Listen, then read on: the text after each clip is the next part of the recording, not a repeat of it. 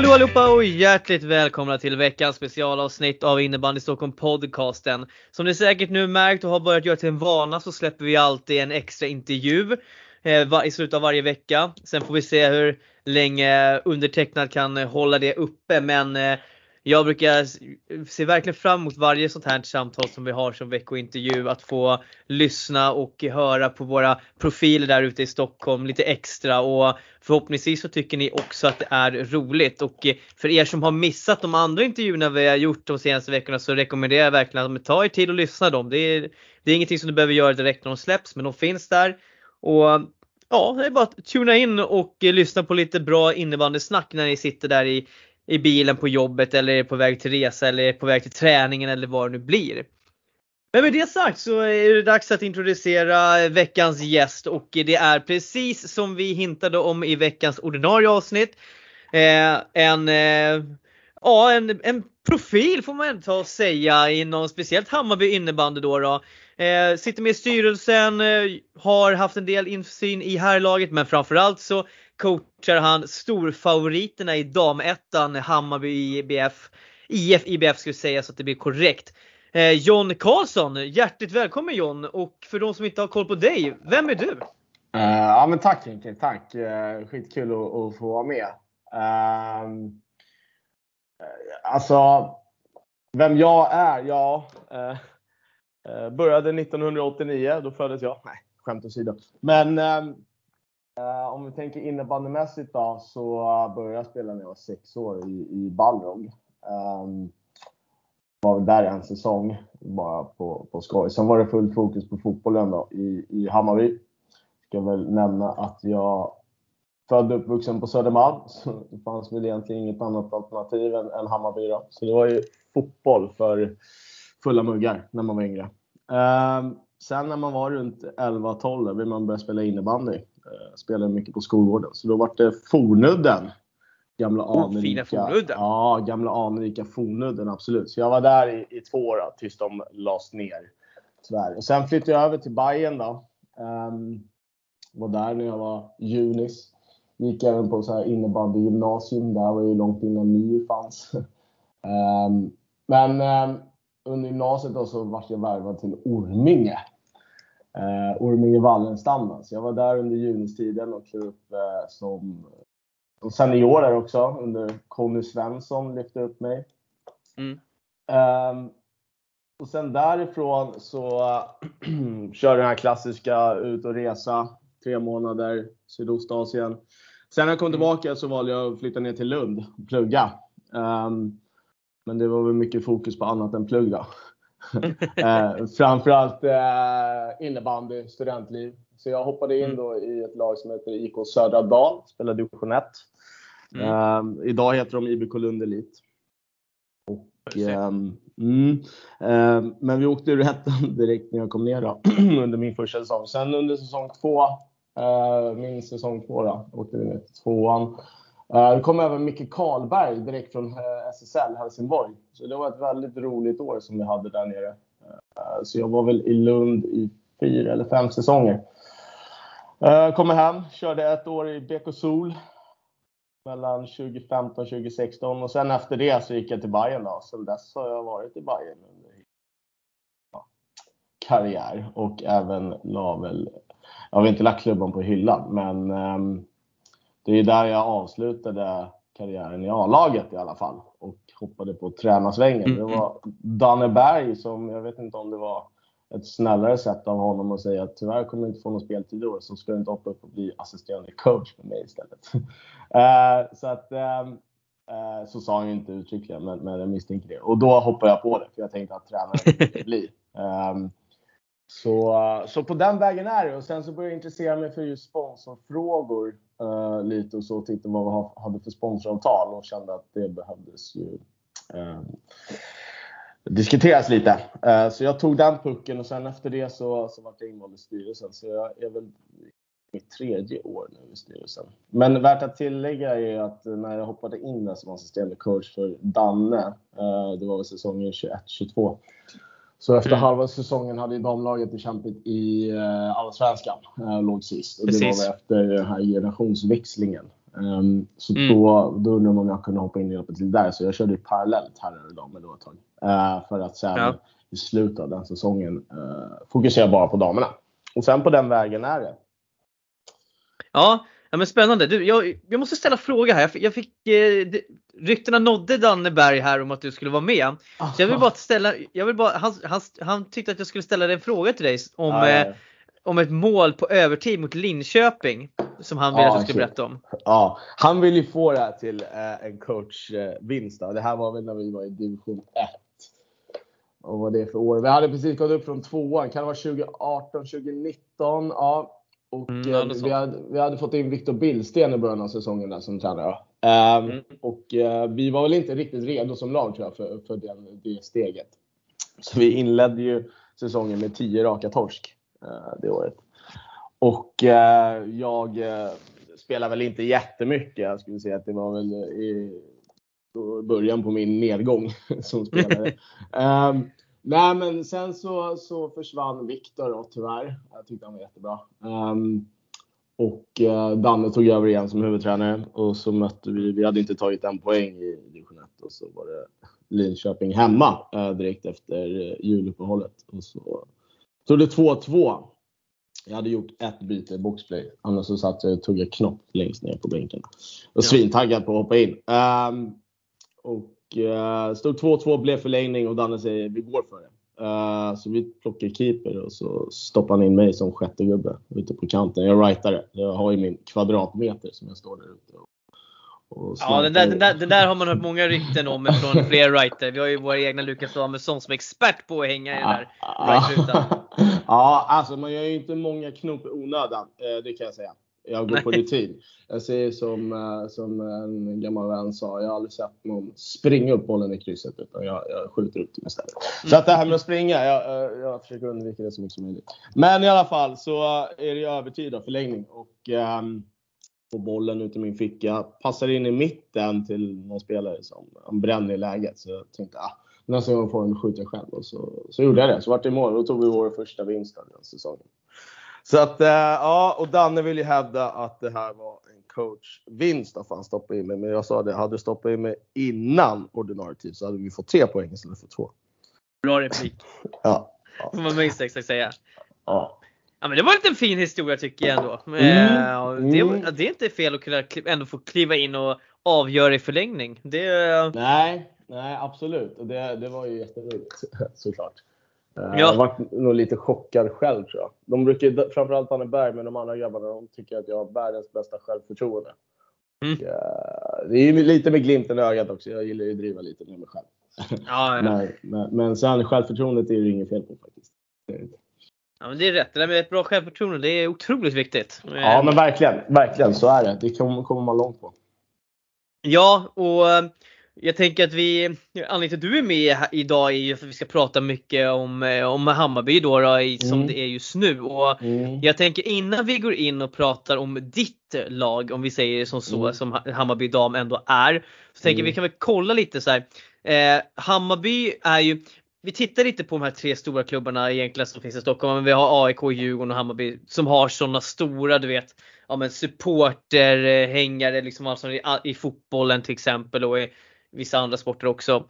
Mm. Eh, vi har ju sett AIK mobilisera ganska rejält på sin SSL-premiär här till Mm. exempel, försöka få in sin. Hur är det att vara Hammarby i innebandy med att försöka locka till sig, ja men du vet, och använda det varumärket? Mm. Ja, men det är en bra fråga. Uh, alltså, jag skulle nog säga att det är, alltså, det är svårt ehm, på ett sätt i och med att fotbollen tar ju väldigt mycket. Och sen har du även Mm. bandyn och handbollen som är ganska etablerade klubbar i Hammarbyalliansen. Liksom. Precis. Det är ju 20 klubbar tror jag nu är med i Hammarbyalliansen. Ehm, och, och Hammarby är inte jättestor förening så, alltså med många medlemmar på innebandysidan. Nej. och det är klart att varumärket säger ju väldigt mycket. Ehm, men samtidigt så måste man ju också liksom försöka bygga en grund i föreningen liksom, och eh, få nå framgångar.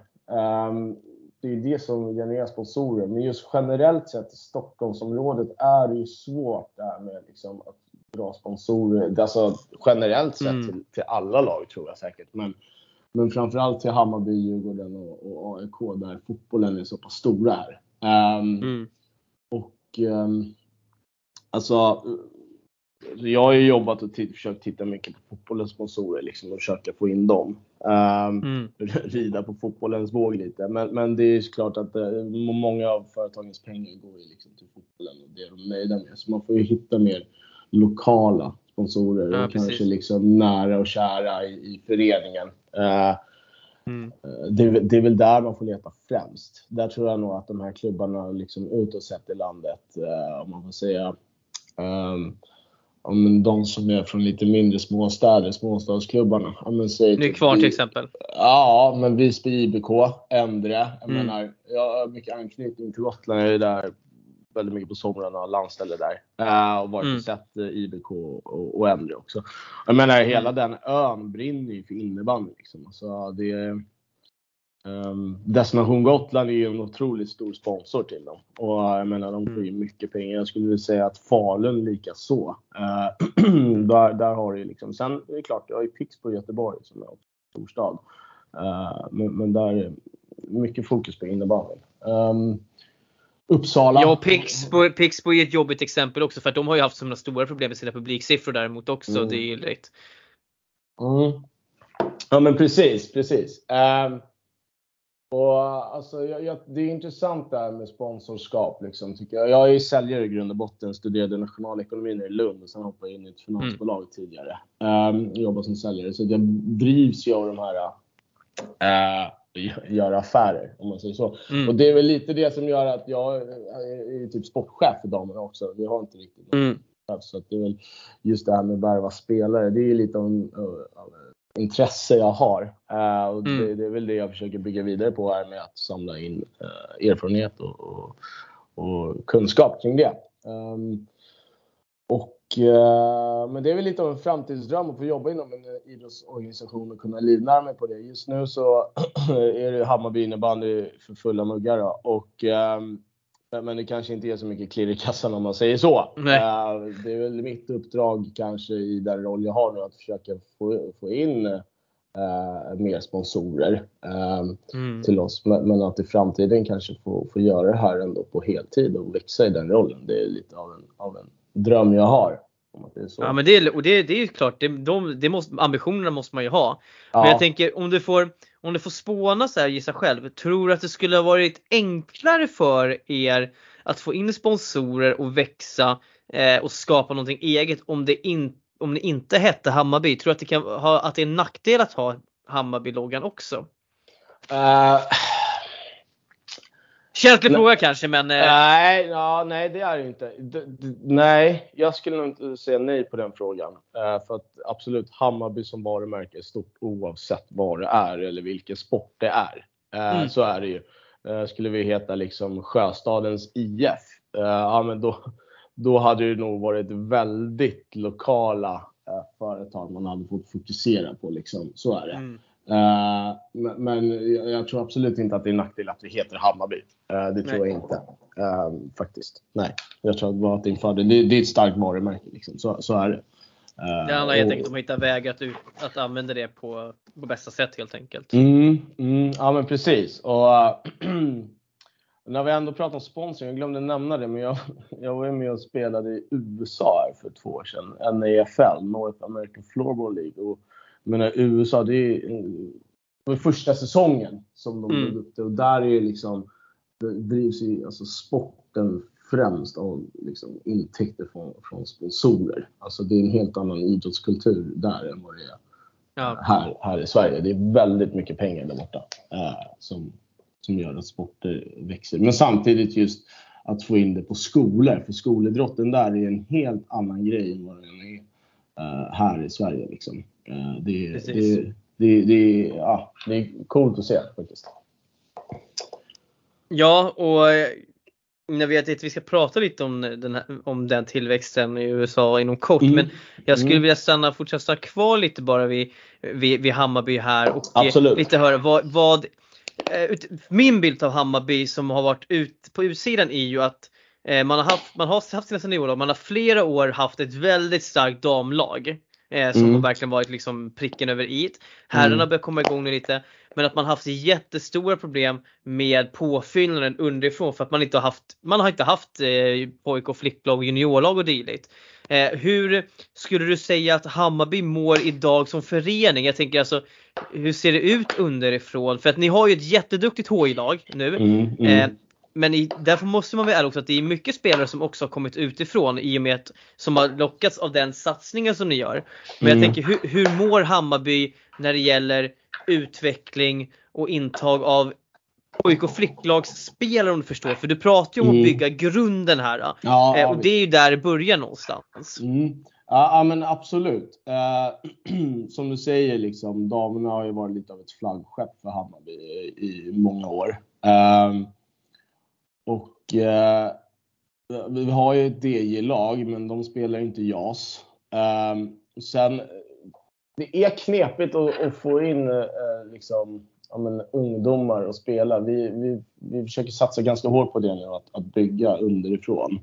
Eh, och, och, och så att vi kan jobba med egna produkter. Och som du säger, vårt HI-lag, det är alltså, ja visst, det är klart att en del har vi värvat in, men jag menar Mm grunden i sig är liksom de här grabbarna som har varit med sedan de var liksom små, små barn. Och gick eh, här på liksom söderanknutna på bland annat Katarina Norr och Sofia skola och så vidare här på Söder. Så att ehm, eh, alltså grunden där är ju liksom egna produkter generellt. Sen är det väl nu den här säsongen och förra säsongen som jag tycker att då började man ju värva in lite fler Mm. talanger. Eh, Eh, men det är klart att man måste fortsätta bygga på det. Ehm, och där har vi absolut eh, utvecklingspotential skulle jag vilja säga. Ja, alltså så att vi försöker bygga någonting. Jag tror att det kan ju ha varit ett litet glapp här för några år sedan. Eh, där, där det kanske inte kom in så mycket. Nu ska inte jag säga för mycket för jag har ju bara varit i styrelsen i, i, i det här är min tredje säsong då, så jag har väl i, insyn kring de åren. Ehm, men vi, vi satsar ju på att försöka få, få in en, en bredd eh, på pojk och flicklagssidan. Ehm, och då kan man också diskutera det här med som Järfälla Bela har gjort. Eh, eller Rotebro Töjnan. Jag kommer inte ihåg vilket mer lag men som, som, som gjort de här eh, fusionerna, att de slagit ihop sig. Då. Um, så att man, man liksom bygger ut eh, föreningen, slår ihop klubbar. Jag tror att det skulle behövas i Stockholm idag. För att det är väldigt många innebandyklubbar i Stockholmsområdet. Och jag tror att, ehm, att man skulle må bra av liksom mer sammanslagningar för att skapa eh, större, större innebandyföreningar. Liksom. Mm. Eh, för att bygga upp då. Eh, om Stockholms innebandy ska liksom komma någonstans. eh, då funkar det inte att ha hur många lag som helst heller som, som fightas liksom om, om samma spelare. Det är bara att ta damernas allsvenska i år, Östra, men också Huddinge som är västra. Jag menar, det är väldigt många klubbar på liten yta som ska liksom bråka om, eller värva samma spelare. Det blir, det, det blir liksom ingen spetskompetens i det hela, eh, känner jag. Eh, Nej precis. Så att, eh, ja. Jag tänker som så här innan vi ska gå vidare lite här. Så någon- jag ser ju en nyckelvärvning som Hammarby har gjort. Det här får ju du rätta mig om jag har fel. Det Mm. är ju ändå att ni har fått in Mårten Engström som har jobbat länge med Nacka. Mm. Eh, han är ju urbajare själv eh, och eh, det känns som att han verkligen utifrån det jag sett utifrån eh, har kommit in och gett er en ny dimension och lite mer liksom spets i talangutveckling om man kan kalla det för det. Mm. Mm, ja, men bra att du säger det. Mårten har gjort ett jättebra jobb här när han, sen han kom in i HI. Eh, förra säsongen så fick ju han eh, lite större ansvarsområden, eh, bland annat för nyrekrytering. Men också hade han hand om innebandyskolan på, Mm. på lördagmorgnar. Och det är ju ett sätt för oss att locka, locka till sig ung, ungdomar eller eh, pojk och flickspelare. Eh, så på lördagmorgnar kör vi innebandyskolan för jag tror att de är sex år, fem, sex, sju år. Eh, Mm. Hopp och lek, lära sig liksom klubba boll. eh, Ja. Och sen skapar egna, egna lag efter det. Uh, och det, där har han varit väldigt uh, bra och driven i det. Han och sen Andrea Kratz hos oss då, som vår lagledare i damlaget faktiskt. De två körde den förra säsongen. I år kommer Johanna Mtell, vår ordförande, driva den pucken på lördag morgon. Så det är något jag kan tipsa om faktiskt. Ja, det är synd att jag redan har anmält min son till uh, en annan innebandyskola. Men mm. ja, han har, Vilken, han har inne nu i alla fall. Vilken är det då? Djurgården eller? Nej, utan han kommer att få köra med Tullinges innebandyskola. Aha, eh, och sen ska han köra Älvsjös bollskola som de har. De börjar med en bollskola innan de kör innebandyskola så okay. får vi väl se sen. Eh, mm. Även fast jag bor fem minuter från Tomtbergahallen i Huddinge så blev det ändå Tullinge. Det, du vet, eh, det här med, med lojalitet ibland, det, det, det sträcker sig långt. Ja men så är det absolut, det, det förstår jag. Det förstår jag. Men, eh, ja, men det låter ju ändå som att det finns en, en, en plan och att det finns ett tydligt utvecklingsarbete där, där, man, där Hammarby ändå vill kunna stå på egna ben genom, genom flera åldrar. Så att eh, det, det känns ju ändå upplyftande. Ja, vi kan väl säga det att vi, vi tittar ju också på så här lösningar att um, ja, men kolla med fotbollslag. Liksom. Vi vill främja det här med att, att man ska kunna hålla på med flera idrotter samtidigt. Uh, mm. Man ser uh, killar och tjejer som spelar fotboll uh, på sommarhalvåret och försöker få in dem och köra innebandy på vinterhalvåret som en, som en vinterträning, liksom, vintersport. Ha något samarbete med en fotbollsklubb där, uh, lokalt sett. Uh, titta, vi har ju tittat på sådana möjligheter också, så vi försöker liksom hitta lösningar på hur vi ska bredda vår ungdomsverksamhet. Mm. Absolut. Ja, eh, vi kikar lite vidare då på i Hammarbyleden om vi börjar med Ja, vi måste, jag tänker vi börjar med herrarna ändå. Här ändå eh, mm. För att herrarna åkte mm. ju ut eh, division 1 förra året, eh, hade mm. ganska tuff säsong. Eh, I år eh, tagit in ett par intressanta namn, speciellt på juniorsidan. Känns som mm. att det är tydligare nu att eh, juniorspelarna som är så framgångsrika ska med och spela där. Eh, Ferrarese tar man in, har inte sett honom spela så mycket ändå för jag gissar på att han har mycket runt omkring också. Eh, mm. Men eh, hur mår Hammarby här 23, säsongen 23-24? Det känns som att det ändå det finns hopp här om att vara, vara ett topplag i tvåan. Ja, ja men självklart. Eh, och där gjorde vi en rekrytering förra säsongen redan eh, efter halva säsongen eh, där vi tog in Roger Östergren eh, som körde tillsammans med eh, Mårten och, och Danneberg. Eh, och det var ju, eh, skulle jag vilja säga, en otroligt bra rekrytering. Som Roger är skitduktig tycker jag. Uh, bra person och jag vet att grabbarna fick ett litet upplyft också. Liksom. Det ibland behövs det en ny röst liksom, som kommer in och, och Roger har ju mycket kunskap inom innebandy. Ja, och jag tänker, vi bara stanna vid Roger. Han hade ju mm. väldigt tufft i Djurgården eh, ja. när han körde dem. Men mm. det var väl kanske också så att det kanske inte var jag brukar tänka så här att alla tränare kanske inte är skapta för att leda ett lag på den nivå med den typen av spelare som de hade. Eh, mm. Däremot så tror jag kanske att Roger passar väldigt bra in i den fasen som Hammarby är i. Han har gjort den där resan med Rotebro eh, och just det här du vet om en unga spelare som ska upp i A-laget liksom och få in dem liksom och ge dem trygghet och samtidigt liksom sätta liksom en, ett, ett, en stabilitet någonstans. Så jag, mm, mm. jag håller väl med om att han ändå passar nog bra in i Hammarby i där ni befinner er nu. Ja, eh, jag ska inte gå in så mycket på hans säsong i Djurgården riktigt för jag ska erkänna att jag inte har jättebra koll. Men jag vet ju att det, det var ju struligt med spelare där. Och jag ja. vet inte om någon tränare hade klarat av det den säsongen liksom, om jag ska vara ärlig. Eh, Nej. Sen, sen, ska, sen ska jag inte säga så mycket heller. Det är lätt liksom utifrån att ha åsikter när man inte liksom har hela bilden. Nej, eh, det enda jag kan säga sen jag träffade Roger är att jag tycker att han är väldigt kompetent i det han gör. Och han mm. har ju varit på elitnivå tidigare. Uh, bland annat i Hammarbys damer, back in the mm. days när de var i högsta serien. Liksom. Eh, då tror jag att det var, det var väl två eh, elitserier på, på den tiden när damerna spelade. Mm. Um, nej, men så att han har ju mycket kompetens. Liksom. Jag kommer ihåg när jag var liten knodd och såg honom spela i Fornudden. Och var ju lite av en idol då när man var i Eriksdalshallen och kika. Mm. Uh, så man blev lite starstruck när han kom in där. Va? ja, Roger Östergren. Uh, nej, men Eh, han, han har gjort det jättebra, eh, tycker jag. Han och Mårten funkar skitbra. Och, och, han försöker ju sätta en grund. Jag menar, det är svårt som en tränare att komma in efter en halv säsong när det går ganska knackigt. Liksom. Det vet jag själv som jag hoppade in i ja. damerna och försöker rädda upp det. Men då, det är väl då han redan började bygga på inför den här säsongen, vilket han har gjort mm. väldigt bra. Eh, och vi gjorde ju en satsning, då kan vi hoppa in på lite eh, strukturen kring herrlaget då. Uh, när de här 06 började kliva upp uh, mot seniornivå. De, de hade två 05 som kom upp och körde med oss för två år sedan. Vårt B-lag bland annat. För att slussa upp dem och så hade 06 var med och, och, tränade med oss då. I, på, i, i A-laget. Um, ja.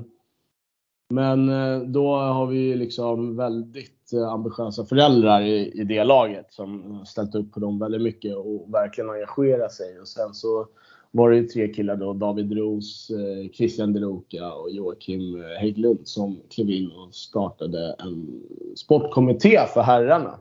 Ja. Och för att bedriva just hårdare satsning mot elitverksamheten, liksom att se till så att det fanns en fungerande liksom, vad säger man, sportkommitté kallar de det, för att tillsätta en, en renodlad sportchef liksom, för att göra de här värvningarna. Uh, och att de hade en långsiktig plan med sina grabbar att behålla dem i, i föreningen. Och mm. hade väl en, en, plan att inom fem år tror jag de sa då, den får vi justera lite nu. Men så, så satsade de på att vara i SSL. Liksom. Uh, och jag tror absolut att, att det, det, finns ju väldigt mycket att bygga på här. Uh, och mm. det är väldigt mycket unga grabbar. Uh, samtidigt som det är blandat med en del rutin i det laget. Ja, um, men, men, man har märkt skillnad sen, sen de trädde i kraft. Vi tog in Mattias Lindqvist i år som sport, uh, sportchef. Då. in i truppen som, som gör det bra också. Jag tror han kom från Huddinge.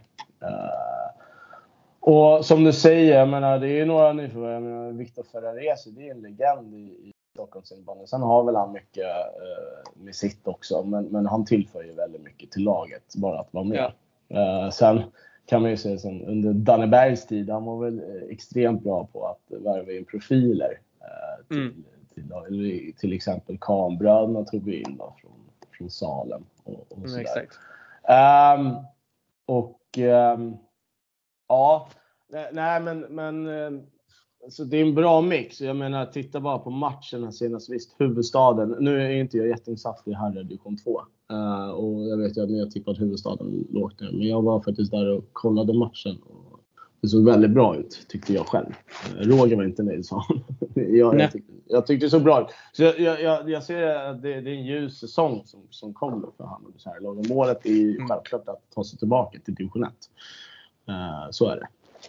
Ja, och det är väl klart att målet ska vara det. Ehm, jag vet att eh, det som jag funderade förra året mycket kring var att eh, jag tyckte att juniorkillarna storknade på slutet just för att de mm, hade haft så mm. otroligt mycket matcher och ja. serier. Eh, mm. Vad, vad, hur, vad kommer man göra för att se till att det inte blir så i år? Ja, um, bra fråga. Um, de har ju tagit bort HJ-serien framförallt, så de satsar ju bara på JAS med det laget. Um, och sen, eh, de hade ju USN, JAS, HJ, spela med seniorlagen både A och B bland annat. Så att, ja, det var mycket matcher för dem. Eh, I år så har de tagit bort HJ-serien. Vi har slagit ihop så att vi har en och samma trupp egentligen i H2 och H3. Mm. Men sen är det ju då uppdelat vilka som spelar matchen med H2 och vilka som spelar matchen med H3. Så där är, där är det helt uppdelat. Men vi, där försöker man ju reglera så att det, det blir liksom men, max två matcher eh, mm. på, på en vecka. Liksom. Sen många av de här grabbarna går ju nio. Liksom, så det, det, är mycket innebandy för dem. Och det är lite av ett pussel, det vet jag själv i och med att jag spelar både i H3 och H5 också. Försöker hinna med så mycket som möjligt. Mm. Um, att, att pussla ihop de här träningarna liksom, uh, och se hur ja, men så att alla får tillräckligt mycket speltid men också att det inte blir för mycket speltid. Så det gäller ju att ha vad är det, runt 35-37 gubbar i de två trupperna. Som mm. egentligen är en och samma trupp. Och, um, ja, det gäller att, att man, man liksom har, kan se till varje individ och mm. tillfredsställa dem på ett bra sätt. Så är det. Ja, nej men eh, Grymt! Jag eh, tänker att vi ska jogga in på det som, som jag kanske tycker är mest intressant ändå. Det är ju Hammarby dam. Mm. Och eh, förra säsongen, eh, ni var ett eh, jag var ju helt offside med min tippning. Eh, det var ju kanske då, till mitt försvar så var det ju för att det inte fanns så mycket information om Hammarby dam att tillgå när Nej. tipset skulle göras. Mm. Sen hände det lite under, under i början av säsongen och dylikt så då kände man ju redan att fan helvete. Så det här, här mm. var man ju helt snett på. Men det, ja. det, får man bjuda på liksom. Eh, det är mm. så det ska vara. Men mm. det var ju, det slutade med att det kom tvåa. Eh, en precis bakom Huddinge. Och ja. eh, fick gå till allsvenskt kval. Eh, om jag inte missminner mig så va, ni vann ju första vändan och sen åkte ni ut mot Täby i sista mm. playoffet. Mm. Mm. jag var där och kollade på den sista matchen och där tyckte jag att Täby kändes ju ett nummer större. De mm. växlade verkligen upp i den mm. matchen. Eh, men samtidigt så tror jag kanske också att det var bra att ni inte gick upp redan i år så ni får en säsong till och verkligen liksom jobba in det här laget. För att det var ju ganska mycket nytt och eh, framförallt så var ni ju en lagmaskin förra året som fungerade. Eh, mm. I år har ni tagit in ett, ett, ett gäng spelare. Eh, nästan lite så här eh, Tyresö-vibbar på som tog in massor med djurgårdare. Nej, nej, nej, nej. Det är inte samma sak. nej, jag vet. Vi ser, det, det är lite annorlunda, det har du helt rätt i. Eh, men i alla fall, ni har fått in väldigt mycket mer spetskompetens i laget i alla fall. Mm, mm. Eh, och jag tänker först och främst innan vi går in på det så är det en annan fråga som jag vill ställa som jag noterade. Det är ju att ni vart ju erbjuden plats i damallsvenskan. Mm. Eh, och, eh, men tackade nej till den av, av rent logistiska skäl som jag förstår med hallar och sånt där. Men du kanske kan berätta lite mer om vad som, vad som hände och de diskussionerna som fanns kring det där.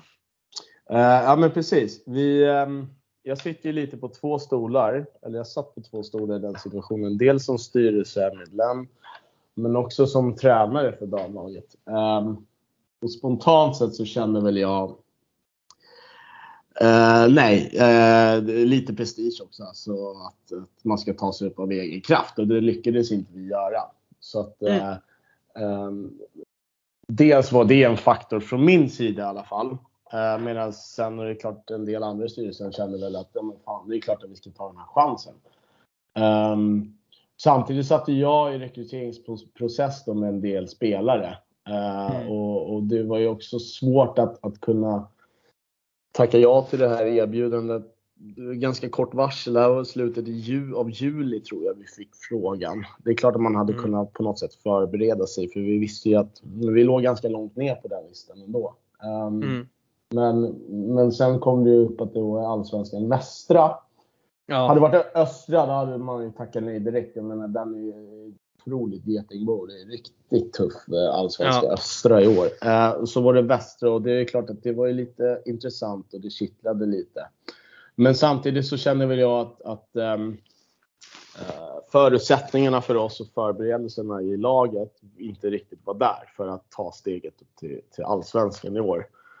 Uh, kände jag. Visste inte riktigt helt vilken trupp jag hade heller att jobba med. Uh, och, och liksom, vi tog faktiskt beslutet utan att prata med tjejerna. För jag tror att tjejerna hade ju självklart bara sagt ja, vi kör.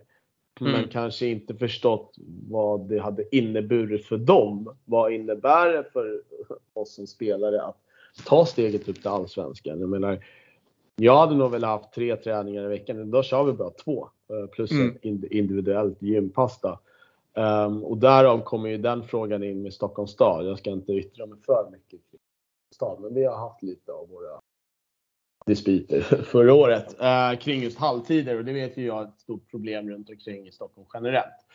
Um, vi delar ju Sjöstadshallen med, med Årsta handboll. Um, mm. Och uh, ja, det fanns inte så mycket tid att tillgå. Jag menar Årsta är en otroligt stor, Årsta handboll är en väldigt stor förening så att de får ju en del träningstider. Och eh, i det här skedet så var alla träningstider redan satta. Och då kunde inte Stockholms stad garantera oss några fler träningstider i Sjöstadshallen. Så mm. det var ju också en förutsättning som var ganska viktig att känna att nej, men det, det, det blir inte bra det här. Eh, mm. Utan vi, vi försöker bygga någonting i division 1. Och jag tror som du sa också, att eh, jag vägde in det här med att i år kommer det vara extra tufft i Allsvenskan. Jag menar, det är väl tre lag som åker rakt ur, det fjärde kvalar. Precis.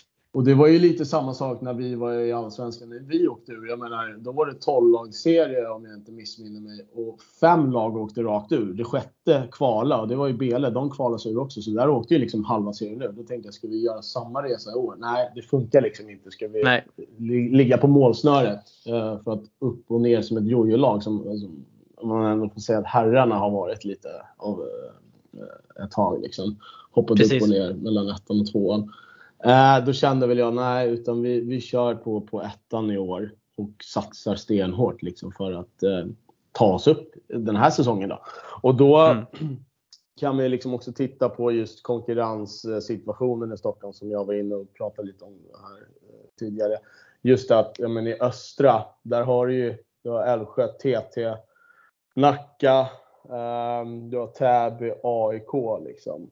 Uh, fem lag av åtta som ska slåss om samma spelare. Um, mm. Och sen har du ju Huddinge också med i det, liksom den geografiska delen som gör att Ja, men det, det, blir svårt att rekrytera spetskompetens liksom till, till de lagen. Eh, då, då, alla drar i samma spelare. Liksom. Då gäller det att, ja, vad kan du erbjuda? Ja, mm. Då återigen så kommer vi in på ekonomi och pengar där kanske ja. innebandyn inte riktigt ligger i framkant än, om jag säger så. Uh, nej, men så, så, det var väl ett beslut som, som jag kände att uh, vi tar. Uh, och det blev bra ändå tycker jag till slut. Ja, jag har, tre, jag har väl tre tankar som, som, som dyker upp. Att, eh, nummer ett, du behöver inte säga det, men jag säger det. Stockholms stad är, eller Stockholm eh, generellt, är en idrottsfientlig kommun. Så enkelt är det. Det finns ingenting annat att säga. Med tanke på hur lite pengar och hur lite man jobbar för att idrotten ska få plats så ja, så det finns inget annat att säga. Man bygger och bygger saker istället för att bygga idrottsplaner. Och när man bygger så bygger man för litet och snålt. Mm. Eh, och dåliga lösningar. Det är, mm. det är så är det i Stockholms stad. Det finns, det, det, ja, som, har, som själv har varit politiker, eh, fast på kommunnivå då, så kan jag bara säga liksom att det här det här är någonting som gör mig frustrerad varenda gång. Så fort det är ens är tal om idrott så, liksom så, så får det sån liten plats i avseende hur viktigt det är. Och att, en stor, att Sveriges största kommun så aktivt gör svårt att gör, hålla på med idrott. Mm. På, det, det frustrerar mig enormt. Det ska liksom mm. istället, alltså Ja, nej men alltså man, man, man bygger bort saker, hallar, man bygger bort planer och sätter mm. dit bostadshus och allt vad det är för något. Och, alltså spontanidrottsytorna försvinner ju bara mer och mer. Mm. Så att, nu har jag fått det sagt också. Bra. Eh, jag tycker du ska prata lite med en av Hammarbys grundare, Gabbe Isos då. bayern legend Ja, Gabbe, också, Gabbe har man haft mycket med. Ja, han har ju varit väldigt förbannad på Stockholms stad kring just det med idrottshallar och så. Ehm, så ja, det, jag håller med dig, absolut. Ehm, och sen bara det här med vi innebandyspelare hatar ju handboll liksom, på grund av allt jävla klister. alltså, oh. det, det, är fruktansvärt. Och uh, på något sätt, hur kan man liksom inte dela upp hallar så att man har handbollshallar och innebandyhallar någonstans liksom, från, från början? Ja, men om man bygger en ny hall, ja men försök få bara innebandy där så får handbollen ta hallar som redan är förstörda med, med klister. Um, vi, ska inte, vi ska inte gå ner i den där gropen för den är väldigt, då kommer det här bli en väldigt mörk podcast säga. ja, ja, ja. Eh, för här, här, här, finns, här finns, eh, det finns starka åsikter från undertecknad kring de här sakerna. Mm. Och det är nästan så att nu, nu när vi pratar om det här att jag funderar på om vi inte ska ta en egen podd och bjuda in en panel. Där vi mm. bara kan kasta skit på på handboll, på ja. kommuner och allt som, är bara, som bara förstör för vår sport. Så ja. att eh, men vi, vi, vi, ska inte hamna i det mörka hålet. Nej, men jag måste bara, alltså handboll, vad är det för jävla sport egentligen? Jag menar alltså, spring inte och kasta en boll och sen behöver du klister för den här bollen. Och bara, men skaffa en mindre boll bara så slipper du klistret, eller vad, vad är grejen? Alltså någonstans så känner jag i det här. Ja, jag, jag, jag, det är så jävla obehagligt med klister på händerna generellt, jag, ska, ja, jag skulle ja. aldrig klara det. Nej, nej, usch, men eh, vi, eh, Ja, nej men det, det, är hårda ord här mot handbollen men det, det, det är så det ska vara. Vi är en innebandypodd. Det finns ingen mer med att vara snäll mot handboll här. Absolut inte. Nej, eh, nej.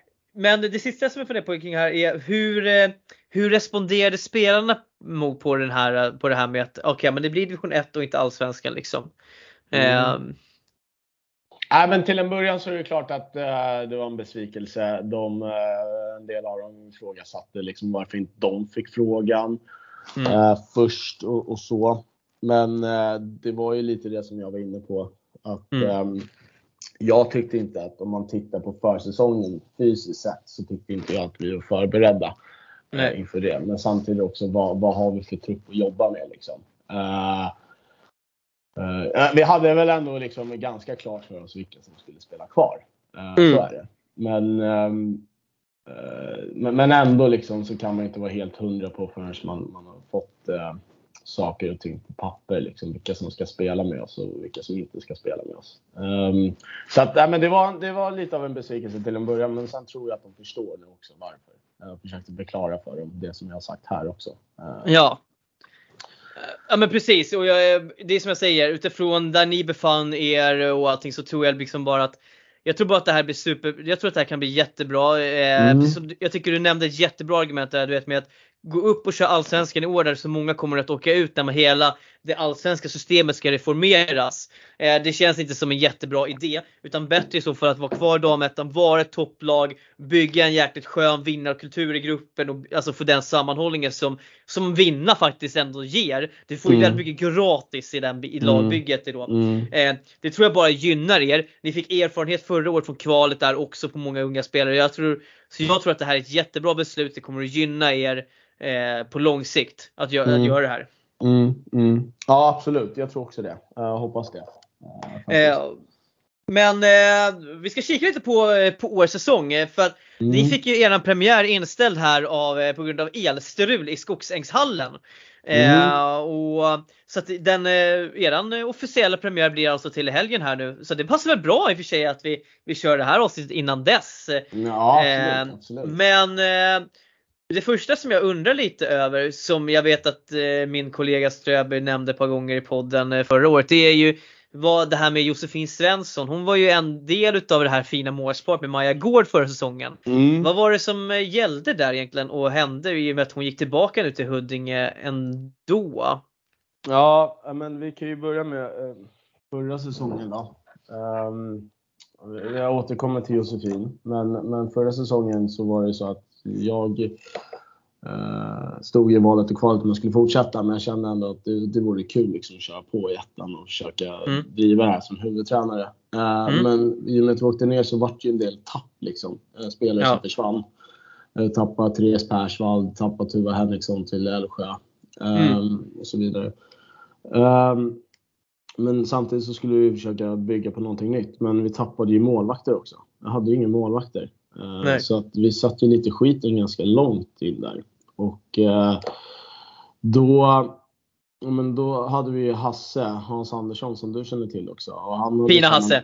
Fina Hasse, precis. Vi, vi går igenom ledarstab och trupp sen också. Jag ska presentera ett nyförvärv sen faktiskt. Men, äh, ja, men äh, Hasse då på, sa att vi har en tjej som heter Josefin Svensson, 05, väldigt ung men duktig liksom. Uh, hon var med oss. Så att uh, jag tänkte, ja, absolut, hör av dig, ta in henne så tittar vi på det. Och hon kom och men, vi behövde en målvakt och hon gjorde det bra. Sen är det självklart, hon var, hon var 05, hon var väldigt, väldigt ung och har fortfarande mycket liksom, att utveckla men, men väldigt duktig. Så mm. då Ja, men då hade vi en målvakt där. För vi hade ju Klara Norberg innan, hon lämnade till Älvsjö. Sen Filippa Svenningsson hade vi på dubbellicens, men hon lämnade för Alunda tror jag. Ja, stämmer. Uh, och uh, så vi tog in Josefin, men vi behöver liksom en till. Och uh, då hade jag en ganska bra kontakt med TT. Uh, så mm. att, uh, då, då tipsade de om Maja då, för att först, jag hade ju pratat, jag ringde ju direkt till Nathalie Örn när nyheten kom ut där kring Älvsjö. Så hon var ju nära på att komma och träna med oss, men hon tog beslutet att gå till TT och det var ju ganska sent och då hade ju de redan Jans marker där och så hade Precis. de Maja. Då kände vi så här, men ta, ta hit Maja. Uh, så, så kom hon in och mm. uh, gjorde det också jättebra. Så helt plötsligt så, så satt vi då med två likvärdiga målvakter som jag tyckte att de, att de var. De var liksom, båda mm. var, var väldigt bra. Uh, men unga. Saknar kanske lite rutin. Men eh, ändå liksom bra kvaliteter båda två. Mm. Och um, i Josefins fall då så var ju hon fortfarande i juniorålder. Mm. JAS-ålder och vi hade ju liksom, vi, vi kunde inte erbjuda något, något JAS-spel. Det, alltså, det som hade varit perfekt är ju om man hade kunnat kört en dubbellicens. Hon gick ju från Vänersö till Huddinge. Ja, precis. Men, men sen så hade vi en dialog, bra dialog med Huddinge då. Där hon, hon, eh, så hon gick till oss. Eh, hon skrev mm. över det men att hon eh, hade möjlighet att gå tillbaka till Huddinge efter säsongen om, om det skulle bli dåligt med speltid. Mm. Um, och ja, så hon kom ju till oss då och gjorde det jättebra tillsammans med Maja. Det blev ju lite så att um, vi körde ju konkurrenssituation på träningarna. Att de som gjorde det bra, den som gjorde det bäst fick stå. Mm. Men de var ju väldigt jämna så det blev ganska naturligt att de fick stå varannan match. Ja. Uh, lite.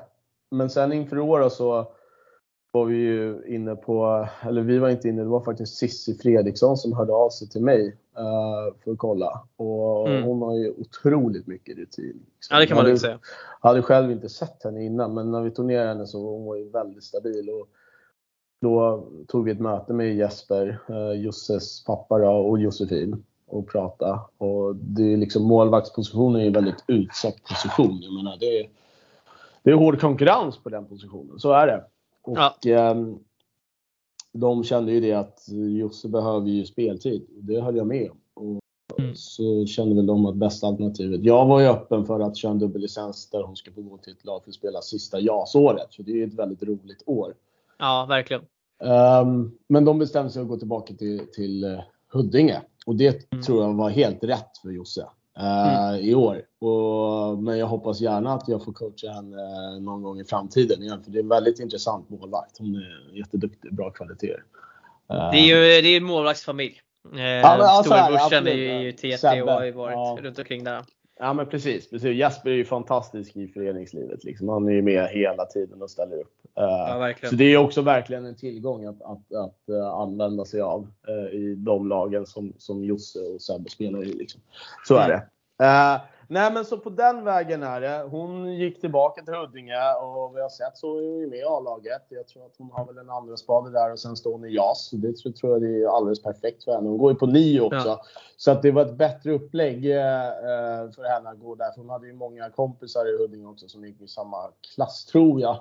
Eller samma ja. skola i alla fall. Och Precis. hon kan kombinera innebandyn med både skola och privat ganska bra där. Eh, de har bra upplägg. Så jag, jag, tror att det var helt rätt beslut av jag, eh, jag gillar den här prestigelösheten ändå, liksom att du verkligen ser individens bästa i det här fallet liksom och ändå Ja men eh, låter henne få gå dit där hon utvecklas som bäst och eh, Ja men det, det, det är hedervärt och eh, jag tänker att eh, ser man på era målsättning i stort nu så är ni ju, lär ni ju ändå vara ganska nöjda med Maja Gård, den talangen hon har och den rutinen som Cissi Fredriksson kommer in med där också. Ja. Eh, och jag tänker att du ska få visa lite på truppen sen också och berätta lite mm. mer om det. Men jag är lite sugen på att veta vad, vad, vad eh, hur ser du själv på kommande säsong? Eh, och alltså, vi har ju målat ut er som storfavoriter här nu, vilket jag tycker att ni med rätta ska ha. Hur ser du själv på eh, säsongen som kommer? Vi har ju målat ut er som ganska stora favoriter, men eh, vad skulle du säga, vad skulle du själva ranka er? Uh, nej, men om man tittar på förra säsongen när ni tippade oss som nya, det var ju mer uh, det var ju nog lite av ett hån skulle jag säga. Så det var mycket, mycket, mycket, mycket snack då uh, kring det och vi bara, de här har ju ingen koll. Men det är klart att vi hade inte gått ut med så mycket. Uh, så det, är väl, det, det, är inte så lätt att, att ha, koll. Då. Nu är vi lite mer aktiva kring vilka vi tar in. Vi har dock inte nämnt vilka som har lämnat och det tänkte jag att jag ska göra här också lite senare. Mm. Um, men jo, alltså, jag kommer med i den här podden för att snacka ner förväntningarna lite på oss. De är väldigt höga här nu ska jag säga. Men, men uh, Äh, men eh, jo, eh, jag måste ju säga att jag, tippar oss som etta. Alltså, man kan låta självgod, absolut. Men någonstans, vi har ju målet att faktiskt gå upp till Allsvenskan i år eh, och, driva det stenhårt. Och då finns det liksom inget annat att säga än att ja, vi, vi ska ligga i toppen mm. den här säsongen och vi ska vinna division 1 och vi ska vinna kvalet. Det, det är det som är målet för oss, absolut. Sen kan ju vad som helst hända under en säsong. Jag menar, det är lätt att sitta nu och säga när man har eh, liksom, saker och ting på pappret vilka spelare man har. Men sen vet man ju aldrig vad som händer under en säsong heller. Det kan ju ske väldigt mycket. Uh, så att, men på förhand, ja, jag skulle nog vilja säga att vi, vi ska vara i toppen. Liksom. Så är det. Och i år är det bara ettan som går upp och uh, kvalar. Så det är väldigt tajt. Det, det, är bara etta som gäller om man ska ta sig till Allsvenskan. Ja, nej, men precis. Och, alltså, det är som sagt, det är väl Hässelby som ändå som får ses som den stora, stora utmanaren så här på förhand. Eh, men eh, skulle du själv säga att det är Hässelby som är, som är utmanaren? Eh, ja, jag tycker Sollentuna verkar ju också liksom ha någonting bra på gång. Eh, så är det. Men, men Hässelby var ju redan förra säsongen eh, jobbiga att möta, mm. framförallt borta där i slutet. Eh, så det känns som att de hade ju allt att vinna då och vi hade väl allt att förlora nästan. Um, men jag tror, nu, ska jag erkänna att jag har kanske inte super, super bra koll. Uh, men eh, jag vet ju att de har gjort lite nyförvärv och tror att de har behållit samma lag som, som den större delen förra säsongen. Så mm. det är klart att de är bra. Absolut. Och jag menar, um, jag har själv varit i en situation där man har varit favoriter liksom under en säsong. Och sen uh, slutar med att när man möter de här lagen som, som är, som man ska dra jämnt mot, liksom, eller egentligen vinna mot, men att det blir lite överdrivet jämnt. Då kan det låsa sig ganska hårt för spelare och man vågar inte. Rädslan att förlora är större än, än liksom viljan att vinna. En gammal klyscha. Men, mm. men eh, så, så, att eh, det kommer bli tuffa matcher. Eh, jag tror att Hässelby kommer vara en utmanare, absolut. Men Sollentuna också. Ja, eh, nej men det, jag tycker Sollentuna är ett, eh, det, det, det är spännande, ett spännande bett ändå tycker jag. Och, eh, ändå fullt rimligt utifrån eh, den försäsongen som de ändå har. Jag tycker ändå att de har gjort en okej försäsong också. Så det blir mm. helt klart ett mm. spännande lag att se. Mm. Eh, de har gjort någon värvning nu från Sirius också. Vad är det? Klermyr tror jag till det, till det Klermyr ja. Sen det presenterade ja. Daniela Drabb från Täby här nu Aha. senast också. Så att, ja, du ser. Eh, ja. Vi ska faktiskt eh, nästa vecka, jag kan redan nu säga att i nästa veckas specialavsnitt så kommer vi faktiskt att träffa en representant från FBC Sollentuna också. Så att, mm. Eh, vi, spännande. Det blir spännande också. Mm. Men eh, jag tänker så här. Eh, vi måste kika lite ändå såklart på, på er trupp här innan du ska få några små frågor och en utmaning här. Men eh, det, min första fråga kring truppen som jag har, det är någonting som jag kanske inte riktigt blev klok på förra året. Men där är det så att Ida Torbjörn spelar med en dubbellicens med er och med Älvsjö Allsvenskan? Uh, förra året var det så, ja. Uh, hon har gått över till oss. Hon, uh, övergången är klar. Så hon, hon, hon är, tillhör Hammarby innebandy. Okej, okay, så, att, alltså, det, alltså det, så att hon kommer inte att spela med Älvsjö alls som det ser ut just nu helt enkelt? Nej, precis. Och där ser man, att ha henne på heltid, det är ju, en, det är ju det är ju fantastiskt. Alltså ni får in en riktig Hammarby-tjej och mm, fantastisk back också på det. Absolut. Sen, ja men så är det ju. Hon är jättebra. Jättefin. Eh, sen har ju vi väldigt många backar också. Så det är ju tuff konkurrens på den positionen. Ja, jag sitter här och kikar lite på i alla fall den truppen som jag ser i IBI. Så uh, ja, konkurrens kan man lugnt säga att det finns. Men jag tänker att du kan väl bara få ta oss igenom din, berätta lite om din backsida. Vad har vi för härliga offensiva yrväder och defensiva kuggar i den här backuppställningen. Absolut, men jag tänker väl att vi kan väl dra det lite, börja vilka som har lämnat då så ni får en liten insikt i det. Uh, ja, absolut. Okay. Och, um, då har vi dels uh, Tindra Westerlund har tyvärr lämnat. Hon um, tog studenten förra säsongen och känner väl den här klassiska motivationsbristen att uh, göra någonting av sitt liv, kanske ut och resa och så och få tillbaka mm. suget för innebandyn. Um, hon har Eilish Eriksson och gått till Kungsholmen har jag sett nu. Nu vet jag inte om jag sa för mycket. Men um, hon har lämnat också. Smilla Parkler har flyttat upp och pluggat Uppsala. Yeah. Uh, Elsa Janholt har valt att uh, amen, ta en paus från innebandyn. Josefin mm. Svensson var vi inne på, gått till Huddinge. Och uh, Jennifer Cedervall flyttar tillbaka ner till, till Skåne då. Ja. Som det ser ut. Och um, jag tror inte att jag har glömt dem. Vi blev av med Victoria Sylvander under mitten på förra säsongen också. Uh, på grund av att hon hade väl mycket med karriär och plugg och sådär också. Uh, så att det är väl, det är väl någon som har lämnat. Jag skulle vilja säga Johanna Arvidsson uh, tar också en paus nu för att hon det är väldigt mycket med skola och jobb för henne. Så hon känner inte riktigt att hon kan lägga ner tiden på, på innebandyn. Mm. Så, så, där har vi de som har lämnat. Men sen har vi som sagt tagit in ett gäng nya spelare också. Och som eh, på backpositionen då så har vi ju vi har ju tagit in Ryman bland annat eh, från, från TT som är en väldigt stabil kugge liksom för oss. Eh, tidigare bajare eh, också. Precis. Eh, så att eh, det är väl lite av en hemvändare får man väl säga. Även fast hon Spelat från... SSL för Dalen också om jag inte missminner va? Jo, men absolut det har hon. Ja men det har hon. Det har hon. hon kommer från Västerås, var uppe i Dalen och en sväng. Och um, Uh, ja, men nu valde att komma tillbaka till, till Bayern och det är vi väldigt glada över, uh, måste jag säga. Sen uh, tog vi in um, Elin Burell i Djurgården, också tidigare Bajare. Så att hon kommer också in med stabilitet där bak, liksom spelskicklig back som, som har ett bra öga för spelet. bra skott också framförallt. Amanda Rodin tog vi upp på heltid också. Hon var ju med i vårt B-lag förra året. Hon har ju spelat i SSL med Karlstad tidigare. Hon mm. kommer ju där nerifrån. Uh, otrolig slitvarg. Alltså sliter stenhårt. Uh, riktigt uh, fin spelare och, och liksom har defensiven, uh, vill jag ändå påstå. Um, sen har vi ju Dina som uh, kom från Nacka. Hon var på dubbellicens med TT förra säsongen. Har vi kvar. Också stabil där bak. Uh, bra öga för spelet och mycket bra skott. Gillar ja, jo, det var ju, jätte, var ju riktigt bra för er förra året också. Ja, eh, verkligen. verkligen absolut. Så, att, så att det är väldigt kul att hon har valt att stanna hos oss. Då. Um, vad har vi mer? Vi har ju uh, Frida Elisson kvar en av de få rightare vi har.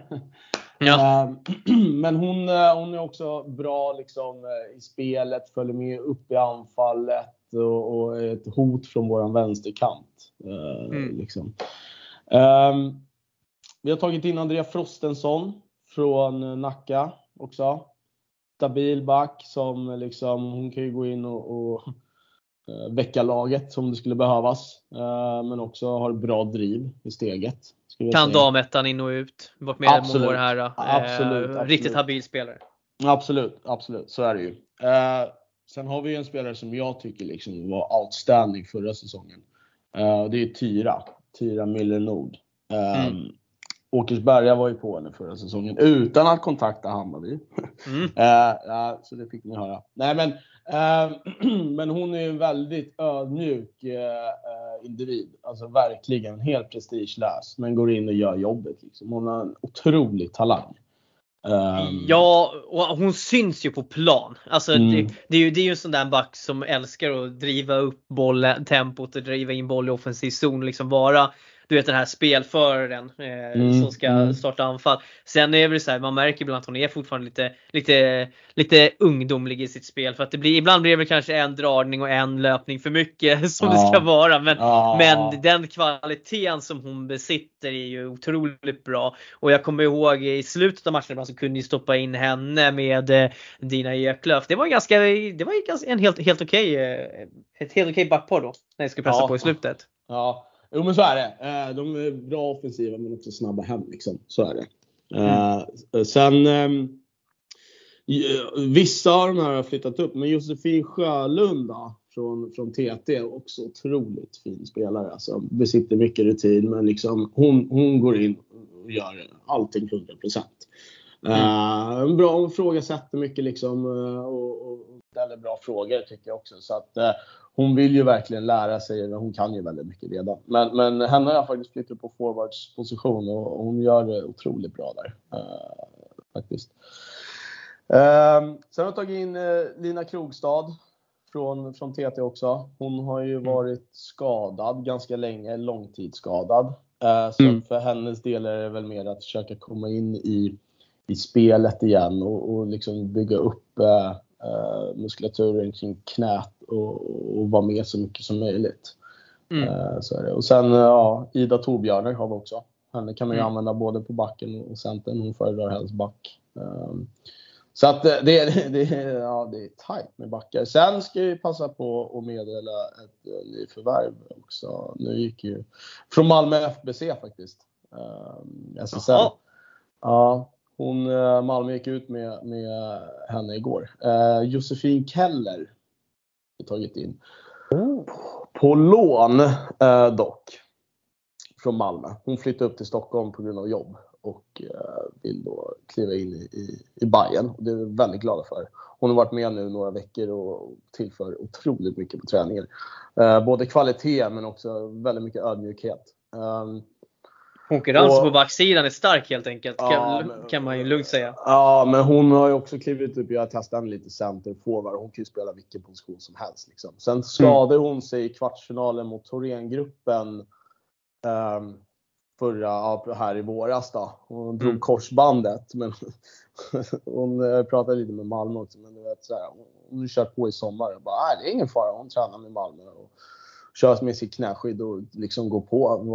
Jag har inte sett henne så mycket tidigare men på träningarna så känns det som att hon går på 100% liksom. Eh, ja. Så, så, att hon gör det jättebra.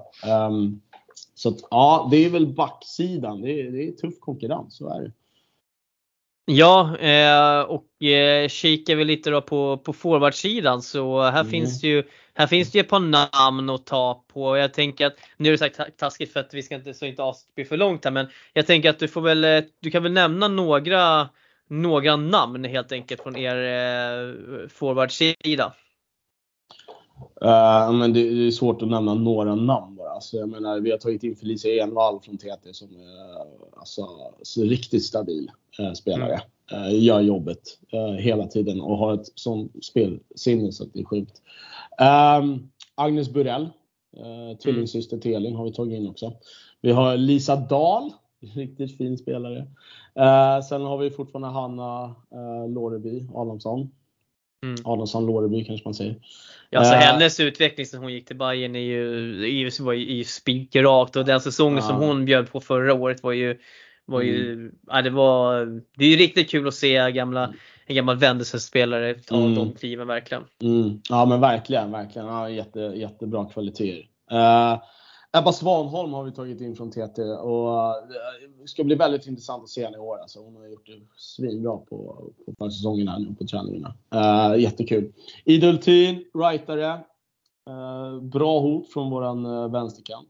Uh, vi har Agnes Mokvist skrivit över sig till oss från TT. Mycket TT, men det är absolut inget Tyresö Dju oss här. Det, det, det, måste jag säga att det är, så är det inte. Det, många av de här är ju tidigare bajare också. Så är det.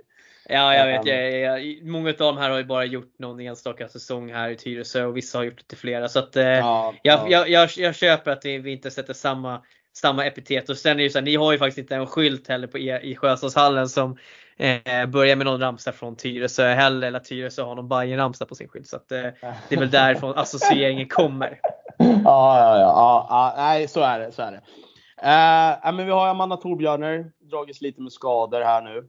Eh, mm. Men också en intressant spelare. Och eh, vi har eh, Madeleine Rudin har ju dragits med skador också så att hon har inte varit med jättemycket nu för säsongen. Men, men planen är att hon ska komma in och börja köra lite försiktigt. Och sen har vi Frida Svan då. Um, där hon har mycket i sin karriär. Mm. Med utbildning, ska är snart färdigutbildad och kör praktik och har en liten knodd hemma. Så att hon har ju väldigt mycket på hemmafronten. Men Um, ambitionen och planen är att hon ska liksom komma in i det uh, igen hos oss då.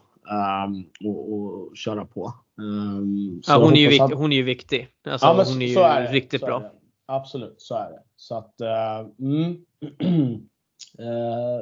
uh, det hoppas vi på att hon kommer in i truppen också. Så att, absolut, vi har ett stabilt lag. Vi har uh, tre väldigt jämna femmor liksom. och, och bra bredd framförallt. Så att, mm. Uh, men jag, är, jag är nöjd med, med årets rekrytering. Uh, så. Ja, nej men verkligen. Eh, nej men jag, det som jag slås när jag, när jag ser över er trupp, det som jag tycker känns det är att ni har ju en, känns som att ni har en väldigt, väldigt bra balans åldersstrukturmässigt också i laget. Mm. Alltså ni, Mm. ni har liksom de här, dels det här segmentet med de lite yngre spelarna som ligger där runt 20-strecket någonstans.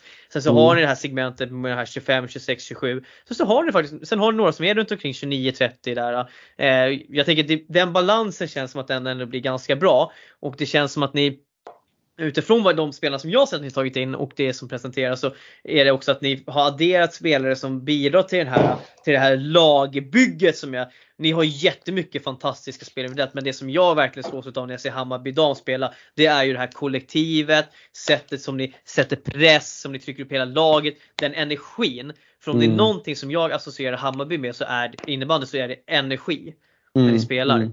Det, är som det, ska, det ska kännas att ni gör. Ni har ju en, ni har ju väldigt eh, en härlig supportergrupp också som ändå är med, som är med på matcherna.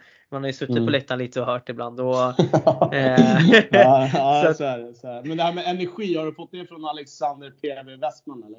ja, men han tjatar om det där hela tiden men det, det, där- ni, det här är separat från honom utan det är Ja. de matcherna som jag sett med Hammarby så tycker jag jag tycker att det känns som att det finns Ja men det är ett jävla go i laget ändå. Ja, ja men så är det. Och eh, tjejerna tycker ju att det är töntigt det jag säger. Men, men jag har sagt att i år ska vi vara en maskin. Liksom. Vi, ska bara, vi ska bara köra på. Alltså, Mm. Det finns inget att spara på. Vi, vi ska kliva liksom. Vi har många spelare med oss och vi ska orka det här. Så vi ska vara en maskin i serien i år. Eh, så är det. Ehm, Nej och det, ni, ni ska ju vinna så det är för fan bara att köra. Ja men så är det. Så är det. Ledarstaben då kan jag ju bara nämna. Vi hade Ja. en kille förra säsongen som heter Jakob Cedervall som spelade det här laget. Han gick tränarprogram på GH så jag tog in honom då så att han liksom skulle få vara med och köra det han lär sig i teorin praktiskt sett. Då. Eh, Men han har Mm. valt att satsa fullt ut på, på eh, att spela sin, sin egna karriär i A-laget. Ja. Så att eh, Hasse kommer ha en större roll i år. Han är ju väldigt, väldigt, väldigt goda ledaregenskaper och jobbar länge med det inom säkerhetsbranschen. Liksom. Eh, sen har vi tagit upp Andrea Kratz som eh, lagledare. eh, som var kapten förut. Saga Jernberg, hon eh, fick en liten knodd, men hon kommer ju köra Stockholms eh, F16 i år igen då, SDF SM. Eh, sen får vi se. Men däremot har vi tagit in Madeleine Westerberg som assisterande tränare också eh, hos oss. För att... Um, men, Knytning. hon- vad sa du? Har vi TT-anknytning. Hon har väl varit i ganska många klubbar skulle jag säga i sin karriär. Så att det senast var väl TT absolut. Men, men ja, nej, men hon har ju dragit eh, sin hälsena så hon kan ju varken döma eller spela i år. Då kände jag att jag, jag, jag ringer henne och kollar. Liksom. Så att eh, hon hoppade på det. Eh, jättekul. Uh, Ja, erfarenhet också. Ja, eh, verkligen, verkligen. Hon har ju gjort den här resan från Allsvenskan till SSL och gått upp och allt sånt där så hon vet ju vad som krävs också. Så att, Ja, ja. Ja, nej, men det, det är äh, jättekul. Jag känner mig väldigt trygg med den här ledarstaben. Eh, och trygg Mm. med, med truppen framförallt. Som du säger, vi har ju liksom föråldrat truppen lite. Förra året det var väldigt ung trupp. Intressant trupp, men väldigt ung. Det var liksom mycket orutin och det märktes både på och utanför plan tyckte jag. Liksom. mm. Eh, men, men i år så har vi mer stabilitet skulle jag vilja säga. Så är det. Ja, eh, nej men eh, kul som sagt. Jag, jag, jag tycker ser med spänning fram emot att se vad den här truppen kommer leverera på banan. Och eh, ni går ju upp eh, för eh, vi spelar ju det här in där på en torsdag men när lyssnarna lyssnar på det här så kommer det vara fredag och då har ni ju faktiskt hemmapremiär mot eh, Vallentuna IBK här 19.30 i fina Sjöstadshallen. Mm. Vad lite kort om premiären här och premiärmotståndarna då? Ja, det blir en officiell premiär igen då, seriepremiär till och med. Uh, intressant. Uh, jag tror Vallentuna, ni har ju nämnt det i podden, men jag tror att de kommer eh, växla upp i år. Jag lyssnade på avsnittet med Lundén här. Uh, väldigt eh, bra tycker jag avsnitt och han har ju koll på, på sina bitar så jag tror att Vallentuna kommer absolut bli farliga år. De fick ju en liten genomkörare förra säsongen. De var väl nykomlingar till ettan då, men lyckades hålla sig kvar och det är ju viktigt. Så de har skapat sig lite rutin från den här serien då. Eh, Så jag tror att de kommer komma ut med, med ett helt annat go i år än vad de gjorde förra säsongen. Eh, Så att det, det, det blir absolut en tuff match. Eh, Så är det. Det tror jag verkligen. De har många bra lovande spelare i den truppen. Mm, Så är det. Ja men precis. Och eh, som sagt det är bara att ta er till eh, damerna eller till Sjöstadshallen 1930. Uh, men Ja. jag har bara en fråga kring det här. Alltså, jag vet inte varför, men det, ni rantar lite på Sjöstadshallen. Alltså, det var väl typ bara Line som hade med den på topp 5 när ni gick igenom hallar. Vad, vad är grejen där? Jag menar, det kan ju inte bara bero på att läktaren är bakom bänken. Nej, alltså jag gillar Sjöstadshallen så att jag, Ja. eh, sen att jag inte håller den på topp 5 i, Stock, i Stockholm, det är, det är en annan femma men det är ju en bra hall. Alltså, ja, det, jag men så är- det. så så här är det, om jag ska på innebandymatcher brukar jag oftast kolla vad det är som, för något som försiggår i Sjöstadshallen för den är ganska lätt att ta sig till ändå. Mm, mm. Eh, och eh, som sagt, jag, eh, nej, men jag gillar läktaren om man sitter där och jag brukar Det är nog faktiskt den hallen jag varit mest och tagit med grabben i också. Eh, Ja. Han brukar gilla att springa i trapporna och vara där uppe och allt vad det är för något. Och Ja, jag ja. tycker på det sättet så är det ganska bra att spelarbänkarna är där de är för då blir det som Mm. ett, liksom, som ett eh, hinder för att om man springer in på planen. Jaha, ja men precis, precis. Nej, men jag, jag gillar Sjöstadshallen, den, den är helt okej. Bra att höra, bra att höra.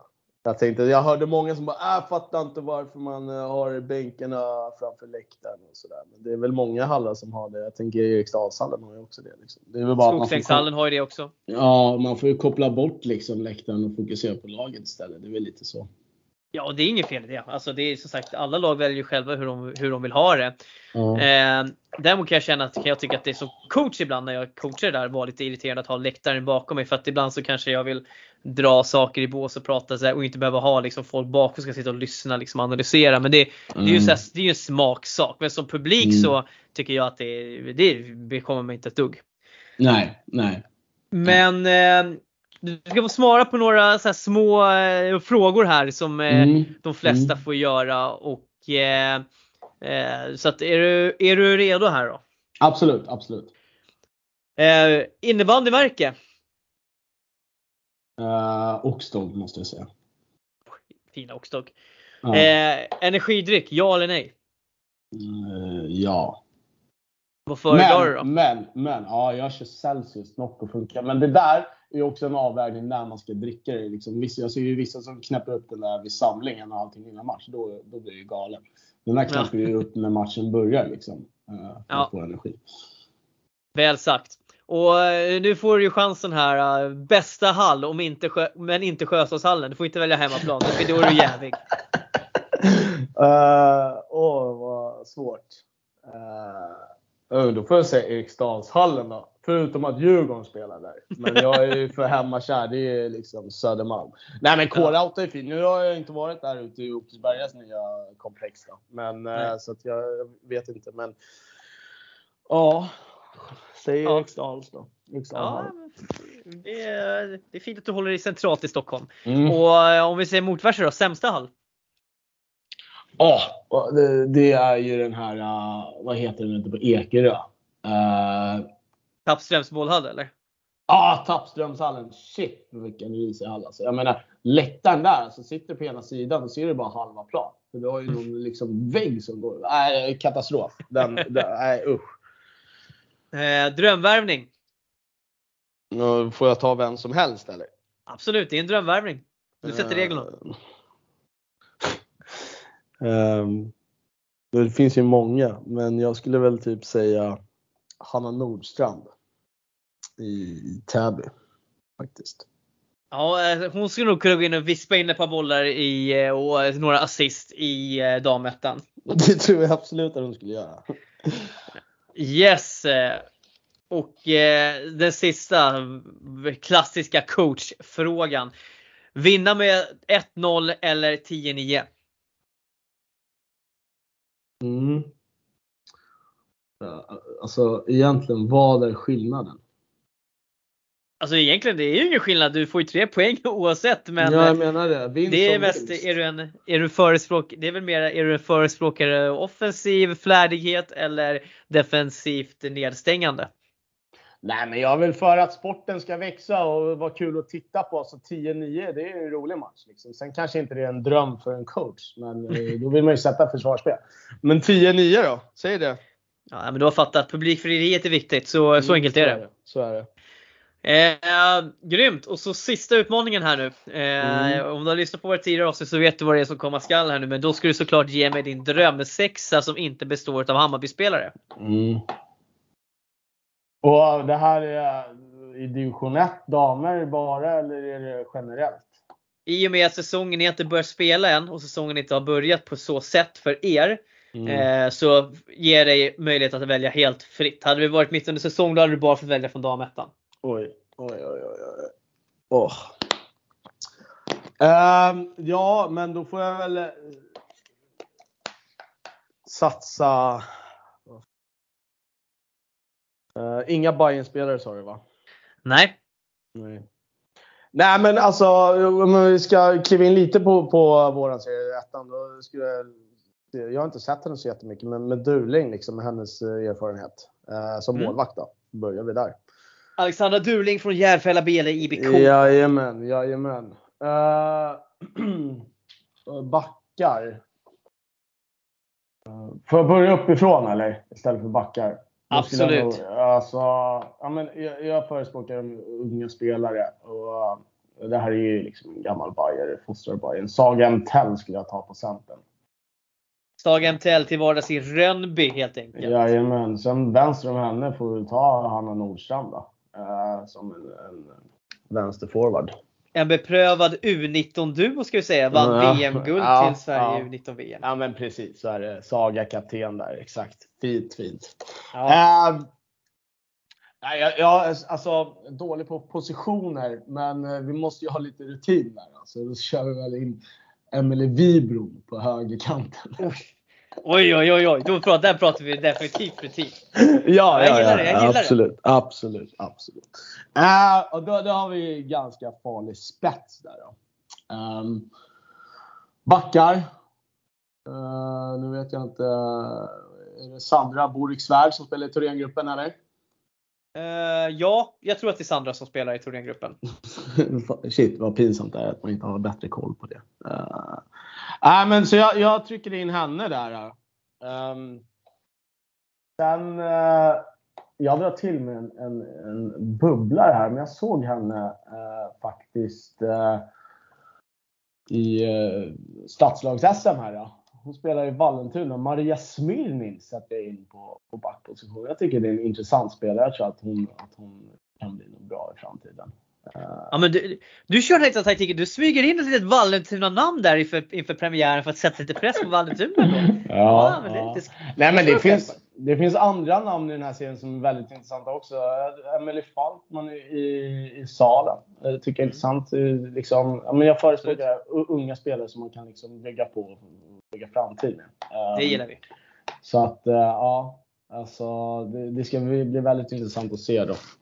Nu, nu när de är lite mer etablerade. Eller i alla fall Maria då, i Vallentuna. Ja, ja men eh, grym. Eh, Mm. grym. Grym då. Den, den gillar vi. Eh, Mm, och mm.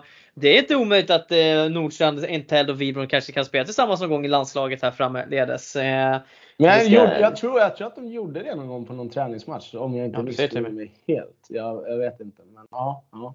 Ja, men det, det gillar vi.